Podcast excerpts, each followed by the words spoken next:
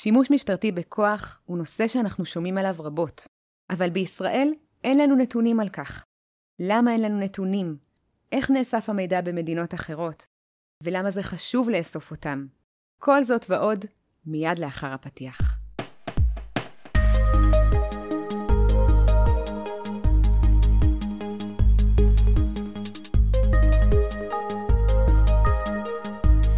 שלום וברוכים הבאים למחקר בשלוש קריאות, הפודקאסט של מרכז המחקר והמידע של הכנסת. אני אסנת אלגום, נמצאת איתנו היום דוקטור נורית יחימוביץ' כהן, חוקרת במרכז. שלום נורית. שלום. אנחנו נדבר היום על מסמך מקיף שכתבת בנושא דיווח על שימוש משטרתי בכוח. ונתחיל בשאלה הראשונה המתבקשת, מה זה שימוש בכוח?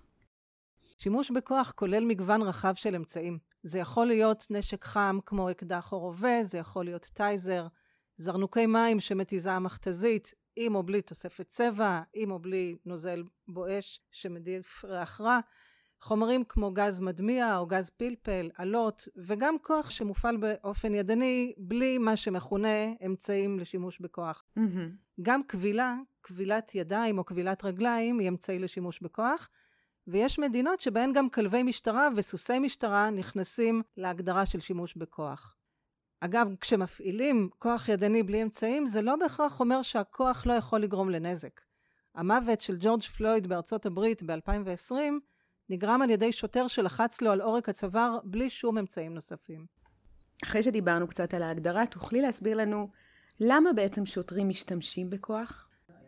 אוקיי, okay, חשוב לזכור שלשוטרים מותר להשתמש בכוח, והם אפילו צריכים להשתמש בכוח, כל עוד מדובר בכוח סביר. Mm-hmm. הכוח שבו שוטר משתמש לא אמור לסכן את חיי האזרח או את שלמות גופו, אבל מותר לו להשתמש בכוח כדי למנוע ביצוע פשע או לצורך השלטת סדר ציבורי, כמובן בתנאים מסוימים. Mm-hmm.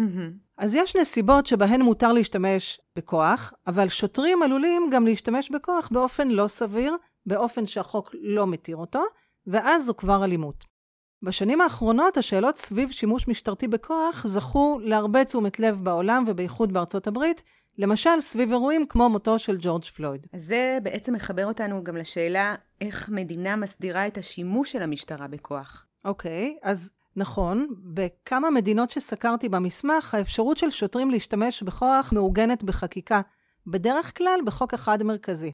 בישראל, לעומת זאת, ההסדרה של האפשרות הזו להשתמש בכוח משולבת בכמה עשרות חוקים, ובנוסף, גם בנהלים של המשטרה.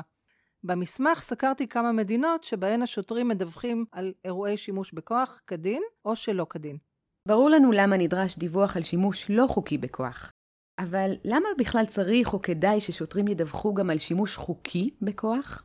טוב, אז לדיווח של שוטרים על השימוש בכוח ולתיעוד של האירועים יש כמה יתרונות. קודם כל, זה חשוב לכלל הציבור. יש טענה שעצם הניטור של האירועים יצמצם את מספרם, ושמספיק שהשוטר ידע מראש שהוא יצטרך לדווח על מקרים שבהם הוא ישתמש בכוח, ולהצדיק את ההחלטה הזו כדי להפחית את מספר המקרים. חלק מהיתרונות של תיעוד האירועים הם עבור השוטרים או עבור המשטרה כמערכת. אם המשטרה תאסוף את הנתונים ותנתח אותם, זה יעזור לה להיערך לאירועים הבאים מבחינה לוגיסטית. למשל, לשפר את ההצטיידות השוטפת, למשל, להגדיר מקומות מועדים. Mm-hmm. לדיווח מפורט על מקרים ספציפיים של שימוש בכוח, יש חשיבות עבור השוטרים גם במקרים שבהם הם התבקשו להצדיק את מעשיהם זמן רב לאחר האירוע. למשל, אם מתקיים הליך משפטי או בירור משמעתי. בכלל חשוב לזכור שאם המשטרה תבין את הגורמים לפגיעה באזרחים, בשוטרים ובעוברי האורח, היא תוכל לצמצם את הפגיעה. Mm-hmm. מעבר לכך, מבט על כלל האירועים יכול לעזור למשטרה לגבש את הכשרות השוטרים לשימוש באמצעים השונים ולהתמודדות עם אוכלוסיות מיוחדות, ותכף אני ארחיב על האוכלוסיות האלו, אבל קודם חשוב לי לדבר רגע גם על נושא הפרסום והשקיפות. הרי את כל היתרונות שהזכרתי קודם אפשר להשיג באמצעות ניתוח של הנתונים ושימוש פנימי של המשטרה. אבל בנוסף, לעניין השימוש הפנימי של המשטרה בנתונים, בדקתי בסקירה המשווה האם במדינות אחרות המשטרה מפרסמת את הנתונים. אז בואי ברשותך נתעכב רגע על הנושא הזה של השקיפות. למה הפרסום לציבור חשוב? גיליתי שיש כמה מדינות שבהן שקיפות היא עיקרון חשוב. עצם השקיפות נחשבת לפקטור שעוזר לבנות את אמון הציבור במשטרה. יש מדינות שבהן הוחלט לאסוף ולפרסם את הנתונים מתוך היענות לדרישת גורמים מחוץ למשטרה. אז עד עכשיו באמת דיברנו על היתרונות. יש לדיווחים על השימוש בכוח גם חסרונות? תוכלי קצת לפרט בעניין הזה? טוב, אה, אז יכול לעלות חשש מסוים שפרסום הנתונים ישפיע לרעה על אמון הציבור במשטרה, בעיקר אם יחשפו בפני הציבור מקרים רבים או קשים של שימוש בכוח, ויש גם אפשרות של נטל בירוקרטי על השוטרים שיצטרכו להוסיף את הדיווחים על שימוש בכוח על מה שהם כבר נדרשים לדווח בשגרה. אוקיי, okay, אז באמת הזכרת קודם שיש אוכלוסיות מסוימות שהמשטרה מתמודדת איתן. אני אשמח לשאול אותך, למה הכוונה ואיך האוכלוסיות האלה קשורות לשימוש של המשטרה בכוח? אוקיי, okay, אז המשטרה בישראל ובעולם מתמודדת עם קבוצות באוכלוסייה שיש להן מאפיינים מסוימים, והן מעורבות במקרים רבים של שימוש בכוח. למשל, כששוטרים מפזרים הפגנות, או כשהם עוצרים חשודים בעבירות, או אפילו רק עוצרים אותם ברחוב ומבקשים מהם להזדהות, לפעמים הם יעצרו יותר אנשים ששייכים לקבוצות מסוימות. אמ, במדינות שאוספות על כך נתונים, באמת רואים שהקבוצות האלו מעורבות יותר באירועי שימוש משטרתי בכוח. אבל אם מדינה לא אוספת את הנתונים, המידע לא יהיה קיים. ובאופן יותר ספציפי, על איזה קבוצות מדובר? קבוצות מובחנות לפי כל מיני דברים. זה יכול להיות לפי מוצא אתני, לפי לאום, גזע, צבע עור, דת, אוריינטציה פוליטית מסוימת ואפילו מגדר או נטייה מינית. Mm-hmm. כשמדובר בקבוצות מיעוט, מטבע הדברים, במדינות שונות יש קבוצות מיעוט שונות. למשל, בארצות הברית מדובר בעיקר בשחורים והיספנים, אבל גם במהגרים מאסיה. באירופה מוכרות קבוצות של מהגרים, וגם שחורים, צוענים ועוד קבוצות. מה קורה כאן בישראל? אז גם בהקשר הישראלי יש קבוצות מובחנות שנטען שהן מעורבות במיוחד בשימוש משטרתי בכוח, למשל ערבים, חרדים, יוצאי אתיופיה, אבל אם אין איסוף נתונים על כך, אי אפשר לקבוע האם ועד כמה המשטרה מפעילה כלפיהם כוח. Mm-hmm. בזמן הכנת הסקירה למדנו שגם אוכלוסיות של אנשים עם מוגבלות חוות שימוש משטרתי בכוח, ודווקא הקבוצה הזו לא מאפיינת מדינות מסוימות. אנשים עם מוגבלות יש בכל המדינות, אבל בתחום השימוש בכוח הנתונים זמינים רק במדינות שבהן הוחלט לאסוף אותם. וגם בישראל אנשים עם מוגבלות מעורבים יותר במקרים של שימוש משטרתי בכוח? על השאלה הזו אף אחד לא יכול לענות, כי אין נתונים על זה. יש מדינות, וישראל היא אחת מהן, שנמנעות מאיסוף או פרסום של מידע אישי רגיש, כולל השתייכות לקבוצות אוכלוסייה, בגלל חשש מתיוג שלילי של האזרחים או מפגיעה בפרטיות. המידע שנחשב לרגיש יכול להיות, לדוגמה, על קבוצות אוכלוסייה מסוימות, או על אדם שיש לו קשיים נפשיים, או על אדם שנמצא על הרצף האוטיסטי, או שיש לו מוגבלות שכלית התפתחותית. בשנה האחרונה היו בישראל כמה מקרים שמפגש של אדם עם מוגבלות עם המשטרה או עם כוחות הביטחון הסתיים במותו של האזרח. ובעקבות המקרים האלה הוקמה ועדה בין-משרדית שהמליצה על כמה צעדים. למשל, הכשרות לגורמי שיטור ואכיפה, התאמת התנהלות המשטרה לאנשים עם מוגבלות והקמת צוותי התערבות במשבר שתפקידם יהיה למנוע הסלמה באירוע. הוועדה כתבה דוח של כמה עשרות עמודים, אבל לא היו בו נתונים על אנשים עם מוגבלות שחוו שימוש משטרתי בכוח, פשוט כי המשטרה לא אוספת את הנתונים האלה. המשטרה גם לא השתתפה במרבית הדיונים של הוועדה הבין-משרדית. אז כל זה בנוגע לאנשים עם מוגבלות. אבל מה בנוגע לשימוש הכללי של המשטרה בכוח? איך נאסף המידע בישראל? תוכלי קצת לפרט על זה? בטח. קודם כל, בישראל הדרישה לדיווח על שימוש בכוח לא מרוכזת בנוהל אחד. בעצם היא מפוזרת בין נהלים שונים שנוגעים לאמצעים שונים לשימוש בכוח, ובכל נוהל זה קצת אחרת. דרישת הדיווח על שימוש בטייזר למשל היא המפורטת ביותר, והיא היחידה שכוללת איזשהו מבט מתכלל. כלומר, סיכום תקופתי של הנתונים והעברה לגורמים שבודקים אותם. באמצעים האחרים לשימוש בכוח, דרישת הדיווח לא מפרטת על איזה מאפיינים של האירוע צריך לדווח, אפילו כשמדובר בנוהל פתיחה באש בעניין שימוש בכלי ירייה. וחשוב לא פחות, בישראל שוטרים מתבקשים לדווח על שימוש בכוח כחלק מדוחות הפעולה שלהם. מדובר בדוחות שהם כותבים כשהם חוזרים מהשטח, והם נכתבים בשפה חופשית, כשהשדות הממוחשבים שעוסקים בשימוש בכוח הם לא שדות חובה למילוי. התוצאה היא שהמשטרה בישראל לא יכולה להפיק נתונים מהימנים על שימוש בכוח. היא לא יכולה להפיק נתונים לא על מאפייני האירועים, לא על קבוצות האוכלוסייה ולא על מאפייני המשתתפים בהם, שוטרים ואזרחים. והזכרנו קודם גם את הנושא של הסקירה המשווה שאת ערכת. אז איך זה עובד בארצות אחרות? תוכלי לתת לנו כמה דוגמאות? אז בסקירה המשווה סקרתי כמה מדינות שבהן השוטרים מדווחים על שימוש בכוח. כללתי במסמך מידע על ניו זילנד, בריטניה, קנדה, אירלנד, ג'מייקה וארצות הברית, שבה מערכת השיטור מבוזרת מאוד והנהלים משתנים בין מדינות, מחוזות וערים. לא סקרתי הרבה מדינות, ולכן אין לי אפשרות לקבוע מה השכיחות של מדינות שבהן השוטרים מדווחים על שימוש בכוח, אבל כן הבאתי כמה דוגמאות לאיך הדברים נעשים, ולפעמים גם מה המניעים של הרשויות שהחליטו לאסוף את הנתונים ולפרסם אותם. Mm-hmm. יש מדינות כמו ניו זילנד ובריטניה, שבהן יש חובת דיווח מאוד מפורטת, ושם השוטרים מחויבים לדווח על שורה ארוכה של פרמטרים.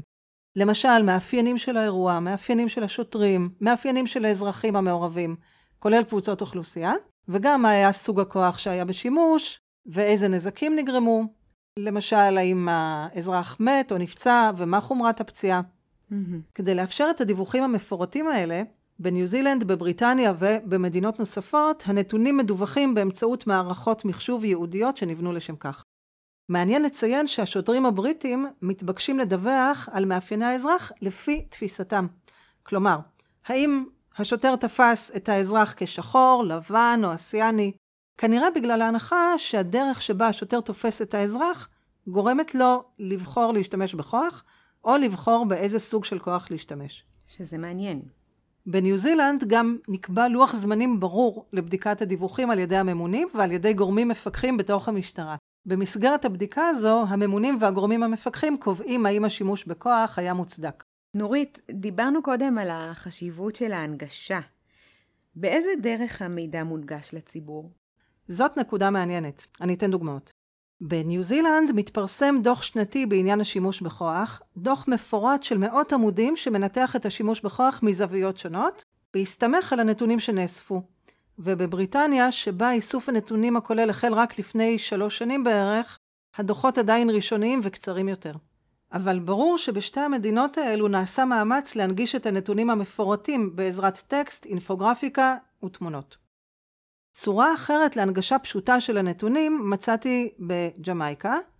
שם יש אתר אינטרנט שמופיע בו מונה של מספר האירועים שבהם שוטרים ירו באזרחים מתחילת החודש ומתחילת השנה. מעניין. כשבודקים בדוחות האלו את מעורבות קבוצות האוכלוסייה, רואים שאכן יש שכיחות גבוהה יחסית של אירועי שימוש בכוח כלפי קבוצות מיעוט, או שהאירועים האלו כרוכים באמצעים חמורים יחסית, למשל נשק חם. קנדה היא דוגמה למדינה שבה יש כמה גופי שיטור ואין איסוף נתונים שמתכלל את כולם, אבל גוף השיטור הגדול ביותר של קנדה, ה-RCMP, אוסף את הנתונים כבר יותר מעשר שנים. פרסום ראשון של הנתונים החל השנה, וה-RCMP מתכוון להרחיב את הפרסום ולהוסיף גם ניתוח לפי קבוצות אוכלוסייה. בהקשר הזה מעניין וחשוב לציין שכל המדינות שבהן הצענו נתונים ופרסום שלהם נמצאות בתהליך של הגברת השקיפות, שעליה כבר דיברנו, וגם של מה שנקרא אחריותיות, accountability באנגלית, כלומר ההכרה בכך שכל שוטר ושוטר צריך גם לדווח על השימוש בכוח וגם לעמוד מאחורי ההחלטה שלו להשתמש בכוח. דיברנו עכשיו על כמה מדינות ועל כמה דוגמאות, והזכרנו את המורכבות שיש בכל הנוגע לאיסוף נתונים ולדיווח. את הזכרת קודם גם שארצות הברית היא מדינה מאוד מורכבת בפני עצמה. כן, אנחנו יודעים שיש שם הרבה כוחות שיטור בכל מיני רמות, ברמה המדינתית, המחוזית, העירונית, אפילו השבטית. תוכלי קצת להסביר לנו איך הדיווחים על השימוש בכוח מתנהלים שם, בארצות הברית? אז באמת בארצות הברית יש הרבה גופי שיטור, שגם אין ביניהם בהכרח קשר, לא בהסדרת השימוש בכוח ולא במערכות הדיווח ואיסוף הנתונים, ולכן במשך שנים רבות לא היה מידע מתוכלל. אבל גם בארצות הברית מדובר בתהליך שקיבל השנה תאוצה מיוחדת בעקבות מותו של ג'ורג' פלויד, אבל בעצם התהליך התחיל כבר לפני 20 שנה. כבר אז הקונגרס הסמיך את משרד המשפטים הפדרלי לאסוף נתונים ברמה הלאומית. איסוף הנתונים הזה דשדש במשך שנים, כי לגופ, לגופים הפדרליים לא הייתה סמכות לחייב את רשויות האכיפה השונות לספק את הנתונים, אבל בשנים האחרונות גברה ההכרה בצורך בתכלול פדרלי של הנתונים, ולכן ה-FBI, שבעצם זה גוף השיטור הפדרלי של הברית, החל ביוזמת איסוף נתונים באופן וולונטרי. וגופי השיטור השונים התבקשו להצטרף, וכנראה שבהמשך אה, הנתונים האלה גם יפורסמו.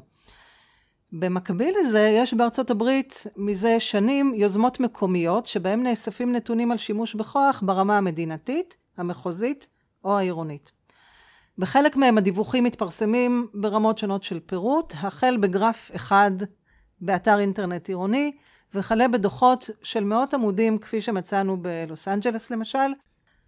בדוח הזה יש התייחסות לשימוש בכוח בקבוצות האוכלוסייה של האזרחים שהיו מעורבים באירוע, ולשאלות כמו האם הם היו תחת השפעת סמים ואלכוהול, לנסיבות האירוע, לשאלות כמו האם הכוח הופעל כדי למנוע עבירה, לשאלות על התנאים הפיזיים במקום.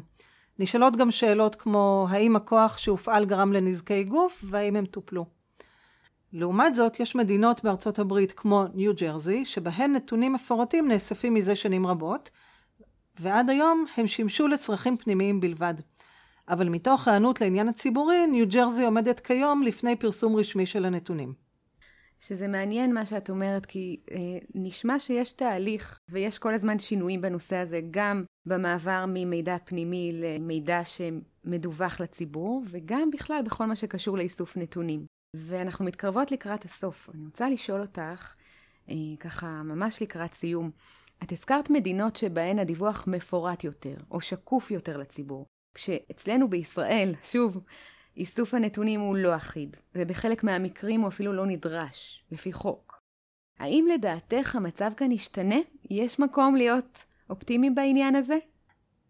אז אני לא יודעת מה הולך לקרות, אבל לצורך כתיבת המסמך, כמובן פניתי למשרד לביטחון הפנים בשאלות על איסוף הנתונים בישראל, וכבר הזכרתי קודם את תשובתם שמערכת המחשוב של המשטרה לא מאפשרת הפקת נתונים מהימנים, אבל בין היתר המשרד כלל בתשובתו את תגובת השר לביטחון הפנים, אמיר אוחנה, וזו תגובה מינואר 2021, אני אקריא. לא יכול להיות ספק באשר לחשיבות הפיקוח באמצעות מעקב נתונים אחר אירועי שימוש בכוח בתחנה נתונה או אף בהיבט פרסונלי, הן ככלי ניהולי פיקודי ולטובת חתירה מתמדת לשיפור שירותי המשטרה וחיזוק כבודה ותדמיתה בעיני הציבור. לפיכך, ינחה השר במסגרת פגישת עבודה קרובה את ממלא מקום מפכ"ל המשטרה הנכנס לבחון קידום עריכת סטטיסטיקה ומעקב אחר אירועי שימוש בכוח במשטרה. מהתשובה הזו אפשר ללמוד שיש כוונה לשפר את איסוף הנתונים על שימוש בכוח במשטרת ישראל, ולמיטב הבנתנו יהיה אפשר ליישם את הצעד הזה רק אם השוטרים יחויבו בדיווח מפורט, ורק אם יוסיפו למערכת המחשוב המשטרתית את השינויים הנדרשים. עוד אפשר לציין שבעמדה זו של השר, כפי שהועברה אלינו, לא הייתה התייחסות לסוג הנתונים שצריך לאסוף, ובאופן ספציפי לא הייתה התייחסות לאיסוף נתונים על קבוצות אוכלוסייה. שזה מעניין, וזה משאיר אותנו עם uh, נימה אופטימית לעתיד. תודה רבה, דוקטור נורית יחימוביץ' כהן. נציין רק לקראת סיום שאת המסמך המלא שכתבת בנושא דיווח על שימוש משטרתי בכוח ניתן למצוא באתר של מרכז המחקר והמידע של הכנסת. תודה שהאזנתם לנו.